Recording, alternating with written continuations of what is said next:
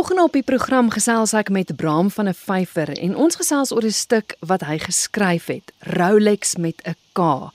Ek is baie geïnteresseerd in die titel, Rolex met 'n K. Hoekom die titel? Ehm um, ja, ek dink die ehm um, titel sê maar waaroor die stuk gaan. Uh in kort, dit is uh dit gaan oor 'n meestervervalser uh wat er, uh, 10 Rolex oorlosies vervaardig uh of dan nou vervals, maar pleks van die spelling, die gewone spelling met 'n X, maak hy die spelling Rolex met 'n KS op die einde. Wat dit natuurlik nou versamelwaarde gee en die versamelaars en die rykes uh stel dan belang om van dit te bekom. Uh omdat dit nou onwettig is, is dit uh, weet almal nie waar die oorlosies is nie. Uh en dis dan nou maar die afskop van die stuk. Dit is hoe die hoe die stuk wegtrek. Is dit gebaseer op 'n ware verhaal? Nie regtig, ek hoop nie so nie.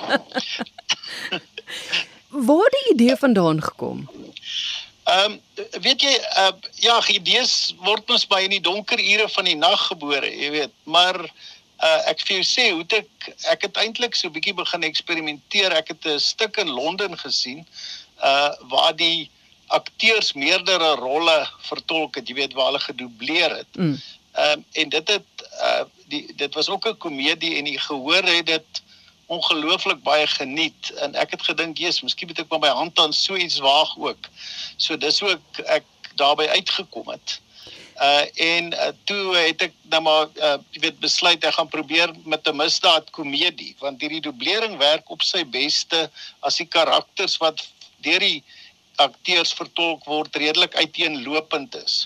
So een akteur speel nou in hierdie geval twee redelik uiteenlopende rolle. So net om vir jou 'n idee te gee, nadat hierdie misdaad nou uh, aan die lig kom word, uh, speurder se sant Wian Beileveld dan nou getaak om die saak te ondersoek. En ek bedoel hy het nog skaars begin toe word een van hierdie oorlosies gesteel uit 'n 'n juwelierswinkel in Pretoria, eintlik in 'n rooftog. Mhm. Beileveld wat nou nie die slimste polisieman in die in die polisie is nie, uh maar wat wat baie um hy jy weet hy's baie vasberade om die saak op te los. Hy vat toe nou die spoor. En die spoor vat hom toe nou na Jean Durant toe wat 'n plaasseun is met 'n geheim. Hy volg verder op en hy kom uit by 'n uh, Pierewaier fopdosser met die naam van Louis Louise Lebon met 'n koppelteken die Louis Louise. Mm. En hy ehm um, hy volg die spoor verder en uit die aard van die saak het hy ook 'n draai by die juwelier gaan maak en daar maak hy kennis uh met hierdie popmooi winkelassistente. Haar naam is Lexie Pieterse en sy uh, was in die winkel ten tye van die rooftog. Die horlosie is eintlik uit uh, uh geroof toe sy daar uh, in beheer was van die winkel.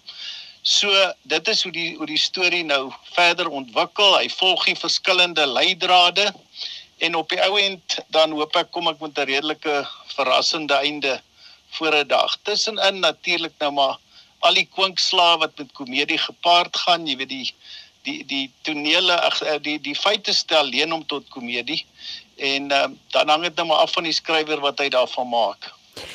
Bram, is dit nie moeilik om snaaks te wees sonder om snaaks te wees nie?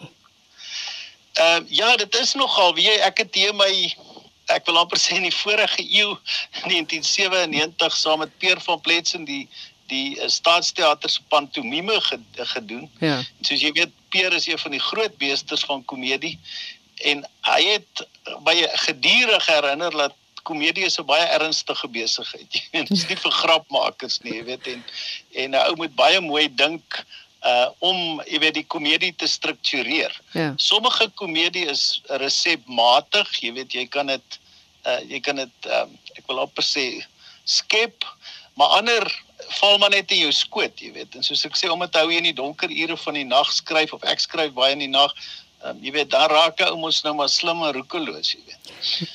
Is is dit 'n groot sprong altyd jy as akademikus ook? Daai om akademikus te wees maar ook skrywer te wees, is dit 'n vreeslike groot sprong wat jy moet neem? Ja, ehm um, kyk vir my is die skrywery maar net 'n stokperdjie. Jy ja. weet ek het uh, skryf by ek wil amper sê in die dag akademiese artikels en en uh, jy weet uh, gee uh, en, en doen nou maar die um, die merkwerk in die in die uh, jy weet eksaminering maar in die nag ou het ons maar altyd so 'n bietjie van 'n uitlaatklep nodig Ehm um, en omdat ek nou al, jy weet, baie lank skryf, jy weet, dan vind ou jou hand, jy weet, en ek vind dat ek gemakliker is met komedie as jy kyk na my vorige goed wat ek geskryf het ook. Ek dink uh ek ek ehm um, ek ek is meer gemaklik in die in die jy weet omgewing waar daar komedie geskryf word hier. As jy iets geskryf het, laat jy dit gaan met 'n oop gemoed en en gee almal vrye teels om te doen wat hulle wil of of bly dit moeilik? Nee, wat ek het wat ek kyk ek het nie nooit drama geswat nie, weet. So uh, as ek dit nou geskryf het dan uh, gee ek vir die regisseur en ek sê, jy weet, maak daarvan wat jy dink, jy weet. En ek meng glad nie in nie, jy weet, maar jy sê met ek nie eintlik ek het nie genoeg kennis om in te meng nie. En dan moet ek ook vir jou sê ek het die voorreg gehad om regtig saam met baie kundige mense te werk, jy weet. So mm. ek kom baie van die kantlyn af leer. Ja. Uh, ek kan maar net sê Woutrien Tron jy weet ek sê Peer van Pletsen op die oomblik werk ek met Left Foot uh Leon Pretorius Johan van der Merwe baie kundige mense jy weet en wat die die die stuk lyk baie ouliker op die verhoog as wat hy in jou kop gelyk het jy weet so maar ek dink die mens moet soos jy sê laat gaan uh maar daai is vir my nie moeilik nie ek ek gee graag die stuk en en ek gaan om dit te geniet as ek gaan kyk en ek kyk nie met 'n kritiese oog nie en ek moet sê ek was ag ek kan nie dink dat ek al ooit teleurgesteld was met wat ek op die verhoog gesien het nie. Ja, want die ding is jy het tog seker prentjies in jou kop as jy skryf.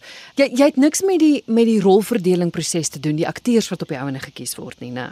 Ehm um, nee, ag uh, uh, uh, baie baie selde. Ek het al so bietjie met van die vorige stukke het hulle my, jy weet, laat insit as hulle na na die audisies kyk, maar soos ek sê, ehm um, omdat dit nie heeltemal weet ek het nie kundigheid ek kan nie ek ek kan sê waarvan ek hou en waarvan ek nie hou nie maar ek laat dit maar in hulle hande en jy weet met met Rolex is ek ook geweldig gelukkig geweest um op op die um op die skip gaan uh, speel Ignatius van Heerden uh, wat 'n uiters talentvolle uh jy weet jong akteur is ook 'n danser. Mm. Uh jy weet baie alsydig speel hy die een rol. Dink hy is een van die groot fondse jy weet van die onlangse verlede en dan is daar ook Andre Lotter die sewende laan veteraan hy speel die ander rol hy was al in een van my stukke uit skitterende komiese tydsberekening. Jy weet hy is absoluut in die wieg gelê vir komedie. So ek is jy weet baie gelukkig en ek kan nie eintlik kla nie. Ek het uh, Rolex nog nie gesien nie. Hy was verlede jaar op die Kalfiefees in Hermanus maar toe was ons nie in die land gewees nie